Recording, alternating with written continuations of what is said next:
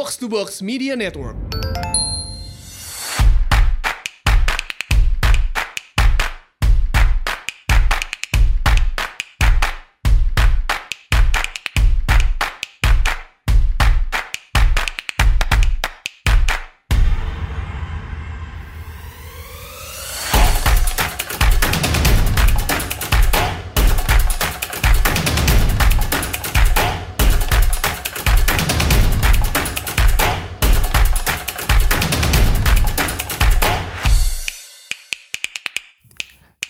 Selamat datang lagi di Asumsi Bersuara. Kali ini kita kedatangan Zaka ya, Mas Yes. Mas Zaka Ahmad Zakaria, em, seorang lawyer nih, lawyer tapi juga adalah pemerhati dan prak- bukan praktisi ya, udah bukan praktisi, Sudah bukan praktisi sudah lagi. bukan praktisi internet security, em, data security dan lain-lain.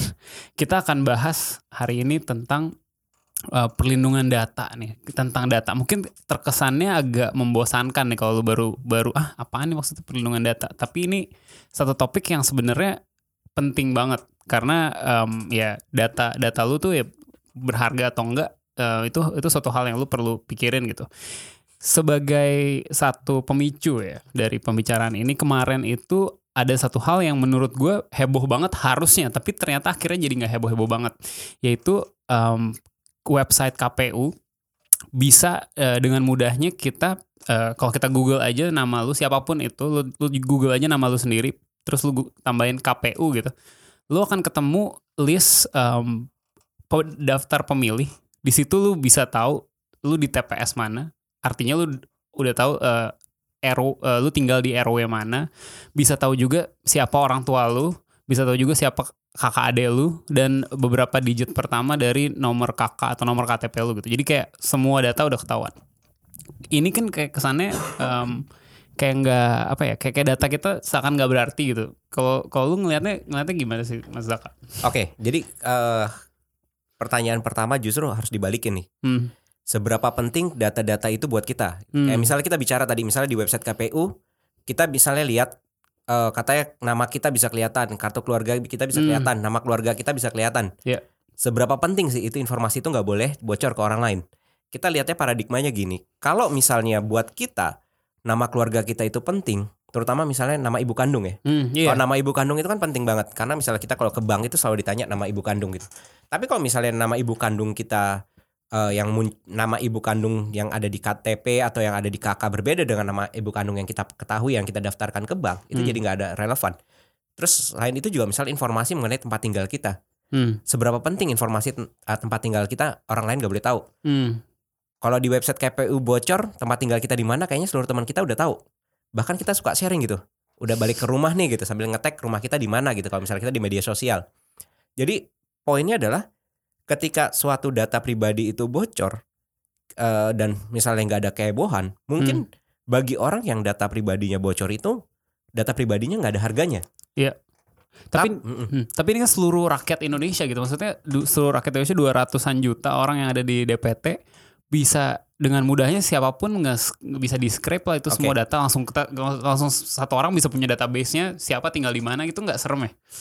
Ya itu kalau buat buat orang-orang yang merasa data pribadinya penting untuk dilindungi itu sesuatu yang sangat serem. Hmm. buat orang-orang yang merasa bahwa dia nggak pengen orang-orang tahu dia tinggal di mana itu akan serem. Hmm. Jadi eh, kalau memang buat orang-orang itu ketika data KPU itu bocor, nah itu sebenarnya dari hukum Indonesia bisa dia minta eh, bisa menempuh suatu proses hukum sendiri. Cuman isunya adalah apakah orang yang merasa data pribadinya itu penting terus dibocorkan oleh pihak lain, dia tahu di Indonesia itu sebenarnya udah ada perlindungan data pribadi karena secara faktanya kayaknya nggak banyak di Indonesia tuh yang tahu bahwa data pribadi kita tuh sebenarnya dilindungin hukum. Hmm. Contohnya misalnya gini, saya udah beberapa kali eh, jadi pembicara mengenai data pribadi ya. Iya. Biasanya kalau mulai eh, mulai workshopnya atau seminar ya saya kan selalu nanya siapa yang tahu bahwa data pribadi di Indonesia tuh dilindungin. Itu 80% itu nggak tahu bahwa data pribadi di Indonesia dilindungin. Mungkin bukan karena mereka nggak mendapatkan informasi yang cukup, tapi karena apa? Karena biasanya di Indonesia data pribadi itu memang nggak ada harganya. Jadi orang kayak bodoh amat aja kalau misalnya orang tahu em, segala tentang di Bodoh kita- amat gitu karena kalau kita lihat gini, biasanya negara yang eh, ini korelasinya eh, ini ya korelasinya eh, selaras gitu. Negara yang penggunaan media sosialnya tinggi sekali, Hmm. biasanya eh, pemahaman atau eh, merasa data pribadi itu penting itu semakin rendah. Hmm. Jadi karena akses media sosial yang begitu eh, luas, semua orang pada pakai, semua orang pada bercerita semua di media sosial, ngepost foto mereka, ngepost makan apa, ngepost berita apa yang dia sukain, ngepost tentang hewan peliharaannya, itu semua di media sosial ada. Jadi eh, udah nggak ada lagi data yang harus disembunyikan. Hmm. Kayak misalnya gini loh, eh, sebenarnya ini ini bahaya banget. Kayak misalnya kalau kita lihat eh, email atau kita misalnya lagi akses email kita lupa password, Ya. itu kan security challenge uh, quote-nya suka nanya eh, apa ada hewan pri- hewan peliharaan Iya betul. atau misalnya makanan favorit. Kalau ada orang yang memang benar-benar niat untuk eh, ngejebol account kita, itu saat ini bisa lebih mudah karena ya dia Dia bisa lihat lihat aja. Oh, ngecek aja nih ngeliat Facebooknya oh ini hewannya nih kayaknya ada namanya nih atau kan misal pun namanya nggak ada sosok aja nanya ih lucu banget kucingnya misal dia lihat foto Iya, kucing iya, iya. siapa nama kucingnya gitu Hal-hal kayak gitu kadang-kadang kita nggak ngeh bahwa itu ngeh. bisa banget Betul, dimanfaatkan betul, betul. orang. Dan kalau kita melihat ke beberapa tahun belakang nih, salah satu yang sempat heboh tentang em, penggunaan data orang-orang yang mungkin nggak tahu ya itu data pribadi atau bukan.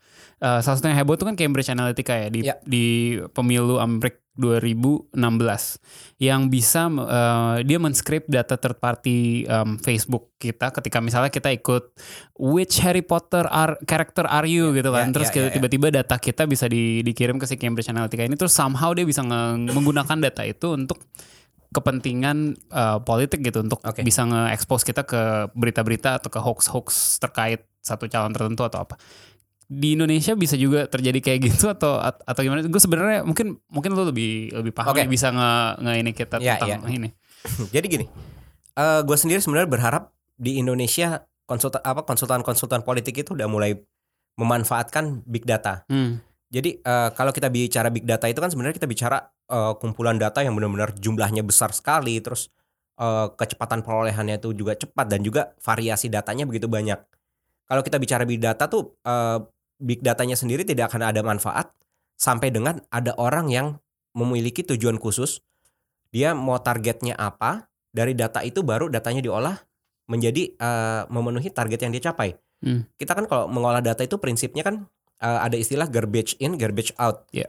Kalau data awalnya sampah, keluarnya juga akan sampah. Hmm. Tapi ketika datanya masuknya kita eh, kita kumpulkan, terus kita olah, itu data itu benar-benar kayak emas. Hmm. Kita kan selalu sering kan dengar bahwa sekarang eh, informasi itu lebih berharga daripada emas. Iya. Nah itu berawal dari situ. Nah udah gitu, terus ada lagi di eh, ada salah salah satu profesor ya di Stanford University namanya Michal Koensky. Itu dia yang awalnya pertama banget bikin eh, kayak semacam penelitian bahwa dari foto aja itu bisa melihat karakteristik orang Oke. seperti apa. Terus eh, dia juga bikin yang namanya eh, yang aplikasi My Personality App. Tadi benar udah disebutin bahwa kita kalau di Facebook tuh suka ada yang seberapa dekat eh, kemiripan Anda dengan Iya. artis apa gitu Iya kan. Terus, iya iya. terus kalau misalnya apalagi misalnya kayak berapa anak Anda nanti gitu kan. Iya. Itu orang tanpa sadar eh, install aplikasi itu atau join ke f- eh, Facebook page-nya di situ dia memberikan informasi-informasi pribadinya dia. Nah, si uh, Michelle Koensky ini dia melihat dari data-data itu sebenarnya bisa menggambarkan orang itu seperti apa. Kayak misalnya uh, saya sering ngasih contoh gini, kalau saya seringnya akses berita-berita yang uh, sifatnya sadis gitu, misalnya kayak Hmm. ada pembunuhan di mana, ada apa namanya, ada ada berita penculikan, pembunuhan di mana saya selalu mengab- mengakses berita-berita seperti itu dan saya share seperti berita-berita seperti itu. Mungkin secara psikologis bisa di- digambarkan bahwa saya orang yang menyukai kekerasan. Oke. Bisa juga seperti itu. Nah, ini kita bawa ke ranah politik. Ya. Nah, si Cambridge Analytica ini dia tuh kasusnya awalnya berawal dari dia memanfaatkan aplikasi-aplikasi seperti itu. Mhm. Jadi untuk aplikasi-aplikasi yang ada di Facebook, dia beli tuh datanya. Buat orang yang nggak ngerti mengolah datanya nggak ada harganya sama sekali. Apa apa sih pentingnya eh, orang tahu saya kepribadiannya seperti apa? Tapi isunya di si eh, Cambridge Analytica ini dia mempelajari pattern eh, pola orang dan behavior orang dalam men-sharing berita eh, kepribadian orang untuk menentukan sebenarnya eh kampanye seperti apa atau topik-topik apa yang diinginkan oleh masyarakat Amerika waktu itu. Oke. Jadi kayak misalnya orang Amerika tuh ketakutan banget sama imigran. Hmm.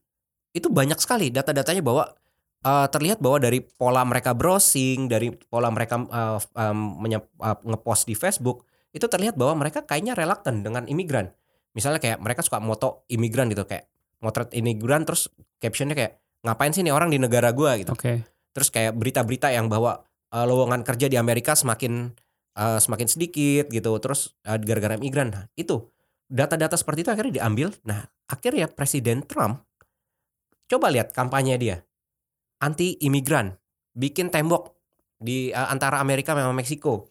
Jadi intinya kamp- kampanye Presiden Trump yang eh, kampanye Trump yang seperti itu itu eh, memanfaatkan big data ya. Kayak dia udah melihat bahwa ada tren seperti ini, ada peluang yang bisa dimanfaatkan. Akhirnya dia men mengcater ke base itu gitu. Iya. Tapi sebenarnya gimana caranya gimana caranya si Cambridge Analytica itu bisa bisa come to that conclusion gitu. Apa ini ada hubungannya juga dengan em, berita-berita apa yang diiklankan ke orang-orang Oke. itu atau gimana sih? Jadi contoh gampangnya gini deh. Misalnya eh, kita ambil eh, contoh di politik di Indonesia deh.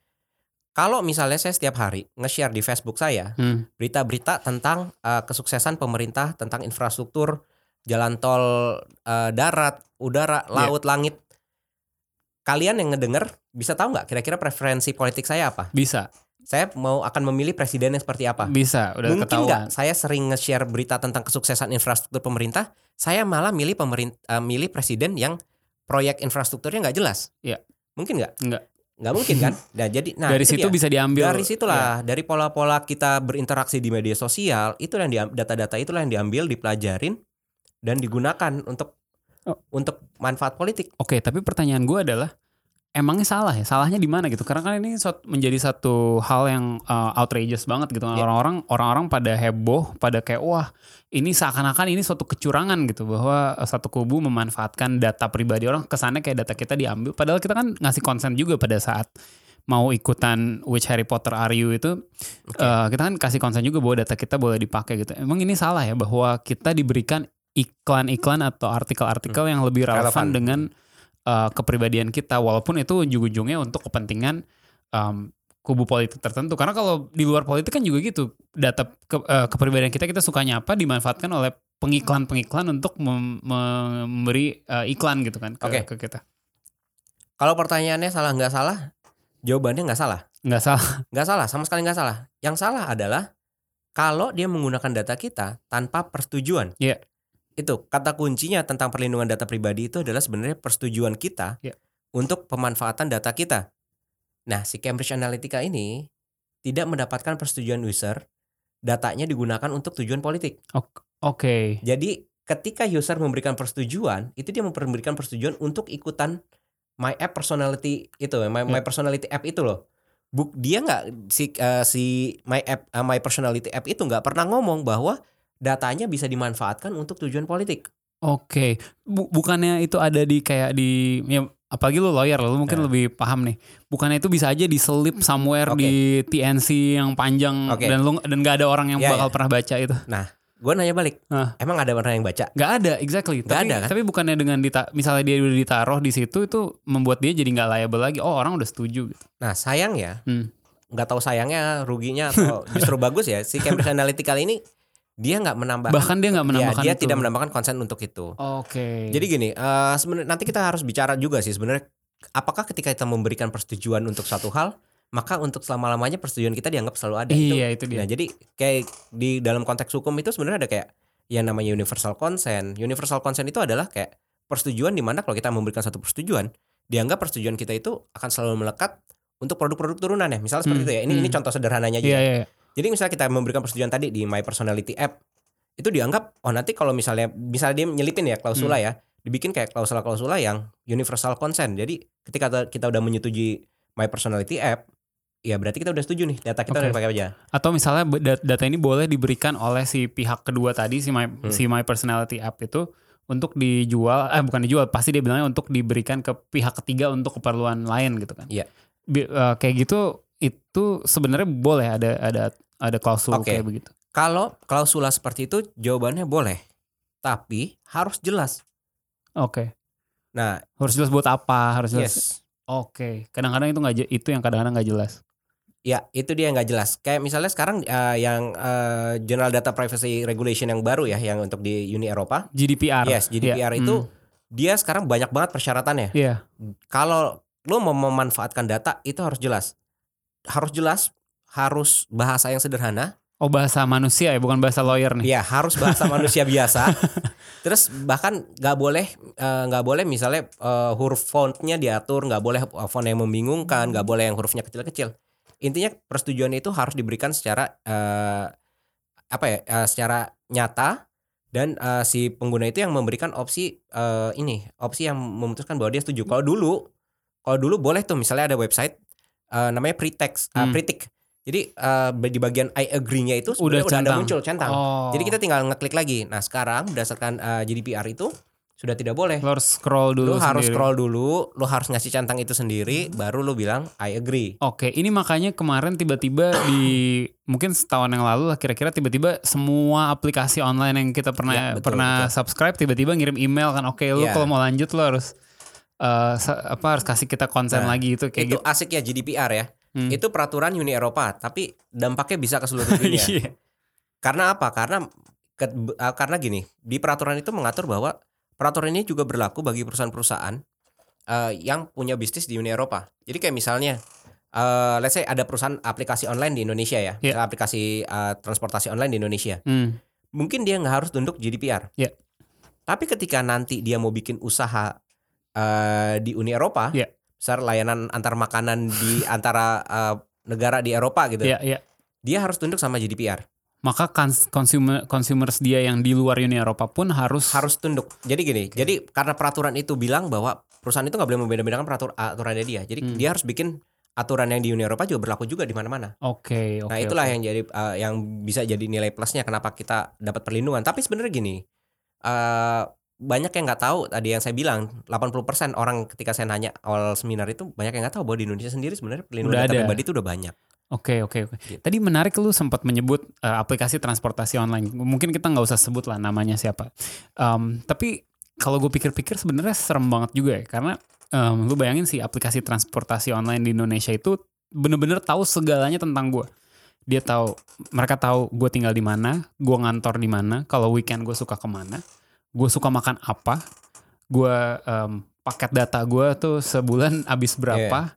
Dan banyak hal lainnya lagi gitu yang yang mereka bisa tahu. Em, dan kayak kalau gue mikirnya sih serem aja ya. Apakah eh, orang di di dalam company itu bisa dengan mudah kayak tarik data run run query aja udah tahu nih.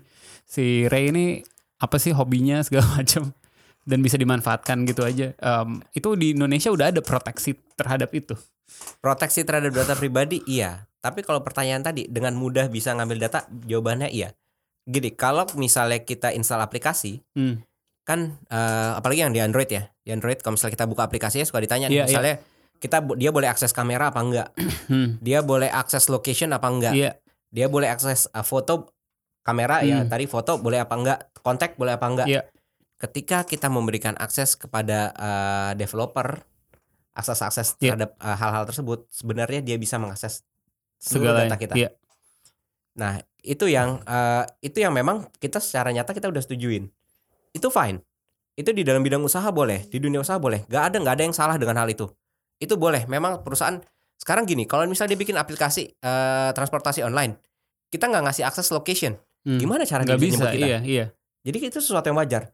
Nah, yang nggak boleh adalah dia menggunakan data kita atau dia menggunakan data kita selain dari yang kita setujuin. Iya. Itu pertama yang nggak boleh. Yang nggak boleh dia membuka data kita kepada pihak lain tanpa persetujuan kita. Itu juga yang nggak boleh. Jadi sepanjang dia memberikan perlindungan yang cukup kepada data kita, nggak ada masalah sebenarnya di situ. Karena dulu di di salah satu pot di salah satu edisi uh, asumsi bersuara juga dulu di awal-awal kita pernah bahas soal um, pinjaman online kan. Ya. Itu kan juga kayak gitu tuh si lu habis download app-nya lu langsung kasih semua permission tiba-tiba semua konteks lu dihubungin debt collector gitu. Ya. Kayak kayak gitu tuh uh, apa ya lu ngasih konsen sih sebenarnya lu Ya. ngasih lu centang sih bahwa bahwa data gua nih boleh dipakai. Tapi uh, apalagi ini kan kadang-kadang nggak cuman berkaitan dengan yang gue sendiri ya. Ya. Maksud gue em, kalau kalau kita ngasih akses ke konteks misalnya di, Hmm. di handphone kita itu kan ada datanya si orang yang ada di konteks kita ini juga dan mereka nggak ngasih konsen gue boleh ngasih data mereka ke ke company lain itu sebenarnya boleh-boleh aja apa enggak ya? Gini, eh, jawabannya jadi nggak boleh kalau kayak gitu. Karena dia sebenarnya hanya boleh menggunakan data eh, atas eh, menggunakan data yang diberikan persetujuan untuk menggunakan datanya. Iya. Kalau balik lagi ke aplikasi-aplikasi misal pinjaman online itu, Hah. itu juga eh, itu banyak banget tuh perdebatannya. Kenapa? Karena sebenarnya di dalam kalau misalnya kita lihat terms and conditionnya mereka, sebenarnya mereka akan bilang untuk kontak darurat siapa, Hmm. untuk eh, untuk kontak darurat di sini bisa diartikan juga buat mereka dari sisi mereka bahwa oh kalau misalnya lu nggak bayar bayar ya gue bisa kontak orang ini. Iya. Gue takut misal lu mati, utang lu nggak ada yang bayar, lu dosa, nanti masuk Iya, neraka gitu iya, kan. iya. Bisa aja berargumentasi seperti itu kan. Jadi ya gue butuh eh, kontak orang lain untuk ngasih tahu bahwa eh lu lu belum apa lu Iya, belum bayar iya, iya. utang nih gitu. Ah. Nah itu dia yang yang sebenarnya nggak boleh adalah eh dia mengontak orang lainnya itu dan kalau misalnya data orang lainnya itu disebarin lagi sama dia dipakai. Dipakai lagi dikasih ke pihak. Iya, ke jadi dia ketika dia lagi. akses handphone gue dapat kontak uh, huruf A si orang A ini, dia dapetin kontak A untuk approach si A untuk jadi uh, klien gue. Oke. Itu yang nggak boleh. Tapi kalau misalnya yang online online itu ya eh pinjaman online juga kalau misalnya kita lihat kita dari misalnya jangan hanya lihat dari sisi orang yang eh orang yang merasa kok gue diteror kayak gini, tapi kita lihat dulu dari sisi company. Hmm. Dia ada kepentingan uang investornya dia dibalikin kan. Iya. Nah, yang waktu yang mau minjemnya ini kadang-kadang nggak mikir. Pinjaman online itu sebenarnya tujuannya untuk uh, pinjaman yang sifatnya jangan konsumtif. Ngerti ngerti ngerti. Iya maksud gue Maksudnya, maksud gue Iya, kita banyak yang akhirnya beli itu untuk beli untuk yang hal yang konsumtif, terus dia nggak bisa bayar. ngerti ngerti ngerti. Tapi Hmm. maksud gue uh, bukan masalah itu ya sih lebih lebih ke masalah data data orang yang ki- yang kita kasih itu. Sebenarnya Yep. boleh nggak sih? Misalnya gue ditanya sama orang, eh boleh nggak minta kontaknya Zaka gitu? Itu sebenarnya nggak apa-apa bahwa maksudnya ketika gue ngasih itu nggak itu kan sebenarnya data lu. Iya. gitu. Kalau secara prinsipnya ketika lo mau ngasih kontak gua ke orang lain, Harusnya gue harus nanya dulu. persetujuan dari gua. Iya. Iya, karena itu memang karena gini, kan data pribadi kalau misalnya kita lihat di aturan di Indonesia itu, dia nggak pernah nyebutin tuh apa yang dimaksud data pribadi. Jadi Iya. Oh, dia oke. dia sifatnya umum aja. Pokoknya semua data yang sifatnya pribadi ya itu di- bisa dikategorikan data pribadi. Hmm. Itu menurut gua drafting yang sangat bagus. Kenapa? Karena data pribadi itu buat tiap orang sifatnya subjektif. Hmm. Buat gua orang tahu nama, umur, eh makanan favorit nggak ada masalah. Oke. Tapi buat orang lain bisa jadi masalah. Buat gua, orang tahu berat badan gua nggak ada masalah. Tapi buat orang lain, kalian juga pasti tahu nih, banyak nih Hmm. yang kalau ditanya berat badannya bisa jadi masalah. Iya iya iya. Nah, tapi kalau misalnya nggak nggak di define secara clear kayak gitu, nggak jadi karet ya? Justru gini. jadi. Kalau kalau kita define data pribadi itu terlalu rigid, misalnya hanya terkait dengan informasi terkait kesehatan, kayak misal di data rahasia bank, itu kan eh, itu nomor rekening, eh, itu nggak bisa dikasih tahu berapa uang tabungan nggak boleh dikasih tahu karena Mhm. perlindu- karena dilindungin undang-undang eh, perbankan. Iya. Atau misalnya di undang-undang kesehatan, data medis kita, orang nggak boleh tahu misalnya kita sakit apa aja. Nah, tapi gini, eh, ada da- kalau misalnya kita hanya spesifikin data seperti itu, terlalu sempit.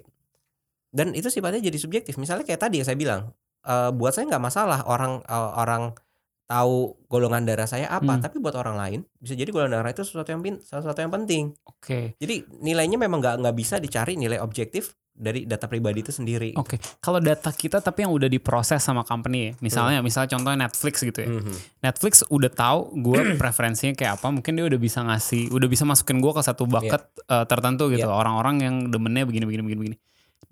Preferensi gue itu, dia dia mungkin nggak kasih personal identifiable data gue gitu. Dia nggak nggak, misalnya dia mau kasih ke third party lagi. Iya. bahwa em, sekian orang di sini dan mungkin dia bisa ya entah gimana caranya Hmm. untuk untuk orang itu target gue lagi tapi dia ngasih tahu bahwa Iya. gue itu preferensi Ngerti, kayak gini ngerti. gini gini Iya.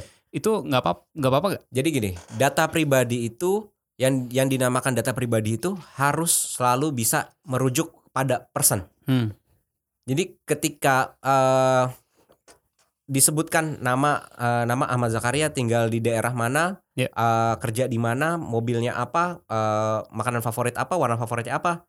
Ketika data-data itu disajikan dan itu merujuk pada satu orang tertentu, itu yang baru dinamakan data pribadi. Oke.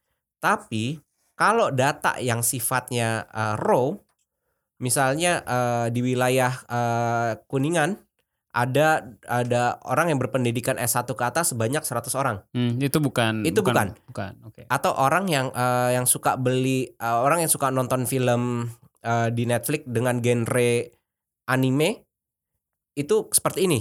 Hmm. Terus eh, karakteristiknya misalnya dia akan menyaksikan filmnya nom- eh, jam berapa sampai jam berapa. Terus eh, jenis filmnya sukanya yang seperti apa? Apakah yang komedi atau yang drama? Oke. Itu data raw.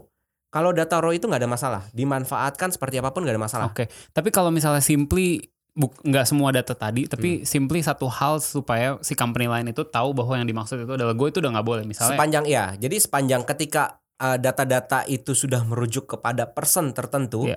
itu yang sudah dibilang data pribadi. Kalau masih sifatnya umum, abstrak, maksudnya cuma misalnya kayak uh, gender, misalnya uh, 10 pria di wilayah ini suka main uh, Mobile Legend, Hmm, hmm. tapi uh, misalnya uh, dari 10 itu hanya tiga yang uh, main di pagi hari, Hmm. itu nggak nggak masalah ada ya? masalah. Jadi peman- memanfaatkan data yang sifatnya uh, memanfaatkan data atau mengungkapkan data yang sifatnya tidak merujuk pada satu persen tertentu itu tidak kena yang konsep perlindungan data pribadi. Em, Zak, gue mau nanya lagi kan em, tadi udah sempat sebut soal eh, GDPR juga yang di Uni Eropa Hmm. gitu. Terus juga lu sempat bilang juga em, bahwa di Indonesia tuh sebenarnya udah ada em, peraturan-peraturan yang melindungi data pribadi orang. Ya. Em, tapi kita juga sekarang yang di yang lagi stuck di prolegnas sekarang itu kan juga ada eh, undang-undang eh eh, rancangan undang-undang perlindungan data pribadi ya. Yes. Eh, apa sih itu maksudnya ap- ap- apa itu inovasi apa lagi dan em, maksudnya kalau itu bisa pass yang kayaknya nggak mungkin karena pemilu udah tinggal seminggu Ya, lagi ya, ya, ya. eh, itu apa efeknya gitu kenapa gini. orang banyak yang pengen itu di pass gitu Eh, gue selalu bilang bahwa di Indonesia itu kita overdosis peraturan. iya Jadi setuju untuk mengatur satu hal peraturan banyak banget. Iya. Kayak misalnya contoh contoh paling umum deh, paling paling paling sering eh pornografi. Iya.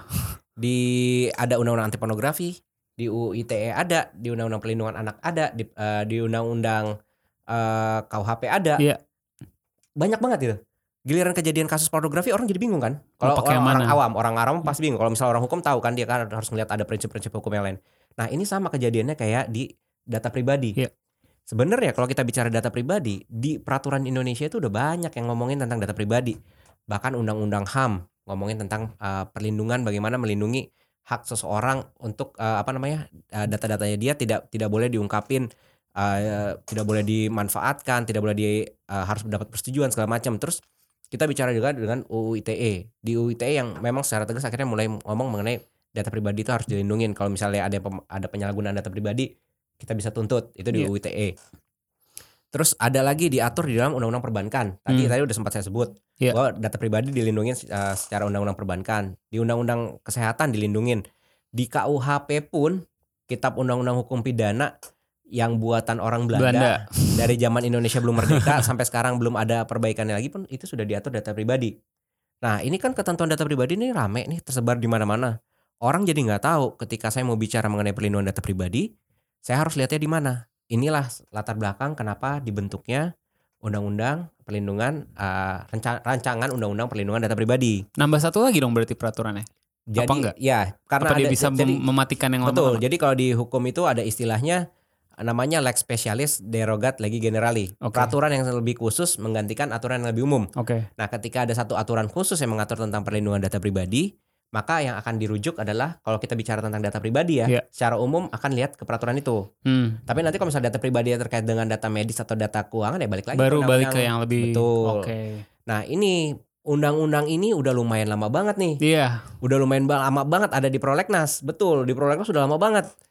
Udah ada beberapa kali eh, kajian akademis, udah ada masukan dari masyarakat.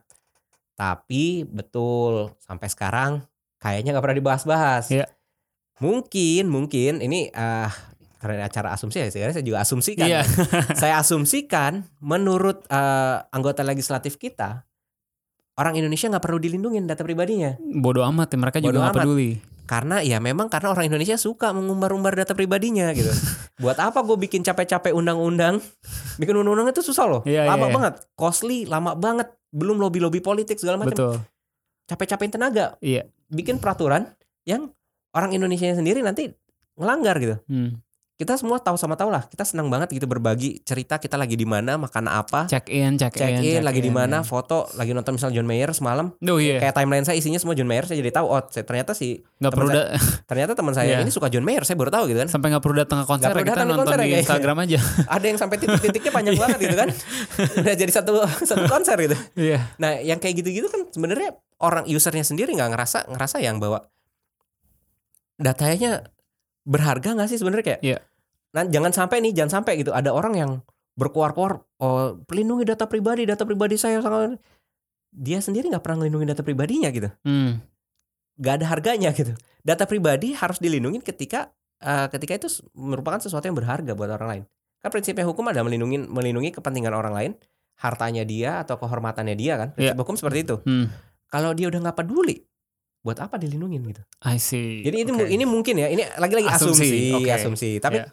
tapi kita eh eh, positive thinkingnya bahwa masih lebih banyak undang-undang yang, yang lebih, lebih prioritas. ya lebih prioritas yang Oke. menyangkut kehidupan masyarakat yang secara real gitu. Oke, tapi menurut lu perlu gak sih ada ada si si RUU tadi itu men- menurut lu em, aturan yang oh, encompassing ini yang lebih lebih khusus ini Eh, atau Eh. atau aturan mungkin yang yang lebih merujuk ke best practice-nya kayak di GDPR tapi di di apa diratifikasi somehow di peraturan lokal kita kayak gitu menurut lu eh, perlu gak sih atau kayak ya udah kan orang nggak peduli juga Kalau lu nanya menurut gua perlu apa enggak? eh gua bisa bilang sebenarnya nggak perlu-perlu amat. oke Karena apa? Karena tadi udah gue sebutin. Kita udah overdosis peraturan nih. Iya. Jangan lagi bikin peraturan yang menambah peraturan lagi. oke Jadi eh tinggal gimana sebenarnya kita ya balik lagi deh. Ini maksudnya ke mungkin klise ya jawaban jawabannya kayak ya lebih baik kita sosialisasikan lah peraturan-peraturan yang udah ada ini seperti apa gitu. Hmm, Kita sosialisasikan. Saya saya tipe orang yang paling nggak suka menggunakan ketentuan pidana dalam suatu peristiwa. Misalnya kayak misalnya ada pencemaran nama baik. Wah kesempatan saya nih ngegugat orang itu supaya dipenjara. Saya Iya. paling nggak suka. Saya paling saya paling selalu meng, eh, mengadvocate orang-orang jangan pernah pakai ketentuan pidana. Sedapat mungkin selesaikan secara kekeluargaan aja.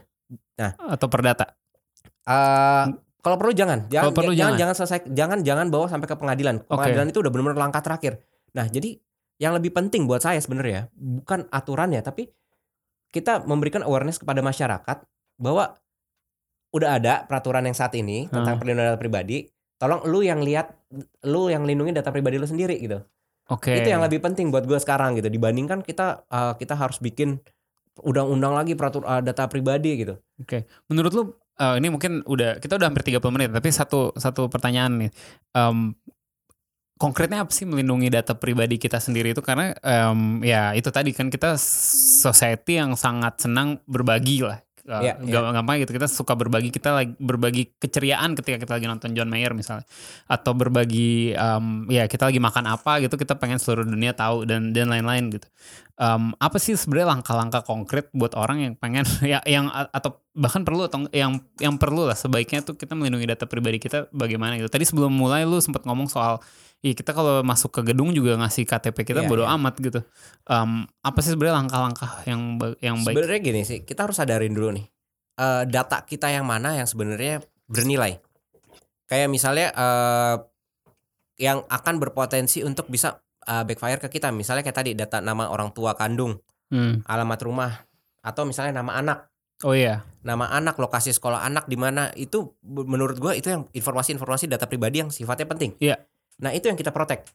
Tapi kalau misalnya kalau memang eh, kalau memang tadi makanya ini sulitnya gitu loh. Buat orang informasi seperti itu penting, buat orang lain informasi nggak penting. Balik lagi ke subjektivitas gitu. Gue gue gue sering gue pernah baca eh, tentang ini sih yang di mo- di mobil-mobil orang kan suka ada tuh Iya, suka nama bapaknya, ibunya, ayah, teteh, kakak, Iya. ade, ini nama hewannya juga muncul terus, gitu. terus bahkan kadang-kadang anaknya dia lagi main bola gitu itu orang kalau mau jahat udah tahu Betul. oh ini bapaknya misalnya tentara suka nggak ada di Nah. rumah anaknya main bola Betul. pasti ekskul pulang sekolah sore gitu-gitu kan itu serem juga sebenarnya Nah, orang ini bener kan? Jadi apa yang gua sampaikan bahwa aturan hukumnya udah ada. ya Tinggal gimana caranya orang tahu bahwa ada aturan hukumnya. Tapi yang lebih penting adalah masyarakat kita, termasuk gua mungkin ya.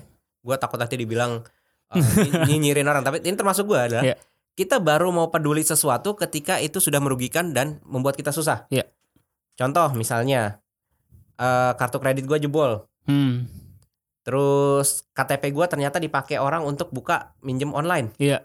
Kan kalau minjem online itu bisa tuh pakai KTP, Iya. pakai iktp doang. Nah Hmm. itu yang informasi informasi seperti itu. Ketika rugi kita harus bayar sesuatu atau dipanggil polisi, misalnya ternyata eh, akun Facebook kita bobol, Iya. dipakai untuk bikin berita hoax, Hmm. yang sampai apa yang sekarang kayaknya semua berita hoax langsung diproses polisi. Iya.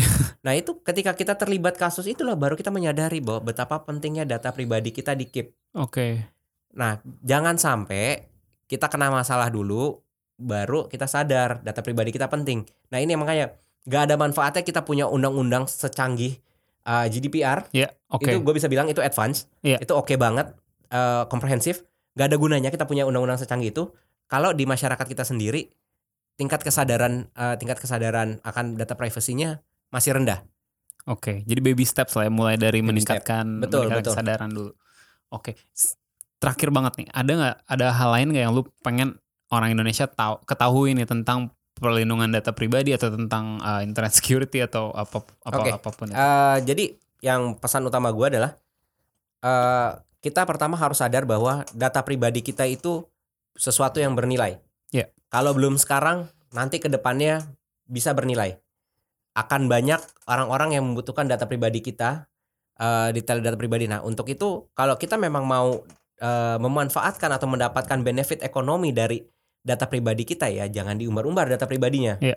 Keep data pribadi uh, terutama yang sensitif yang terkait dengan kemungkinan besar yang terkait dengan kehormatan, keselamatan uh, kehormatan tuh misalnya kayak uh, foto kita dipakai uh, orang lain untuk melakukan hoax atau misalnya yang terkait dengan keselamatan tadi misalnya data anak sekolah di mana itu semua di keep itu lindungilah baik-baik kira-kira itu sih yang itu sih yang yang harus di kita sama-sama pahamin gitu. Oke oke oke. Thank you banget nih Zak Uh, waktunya udah uh, mencoba udah datang sini untuk mengedukasi masyarakat kita. Gue juga belajar banyak banget hari ini soalnya. Gak, ini supaya supaya terlihat humble kita mengedukasi kita bersama. Oke, kita sama- sama-sama belajar. Sama-sama belajar ya. Oke oke, thank you banget yang udah dengerin uh, sampai habis eh, ini. Um, sampai jumpa lagi hari Selasa depan. Jangan lupa follow uh, Asumsiko uh, Box to Box ID. Zaka apa Twitternya atau Instagramnya mau Uh, dipromosikan? Twitter aja ya, Twitter saya ZA underscore KA. Oke, jadi pastikan follow Zaka juga tuh di Twitter. Oke, thank you semuanya.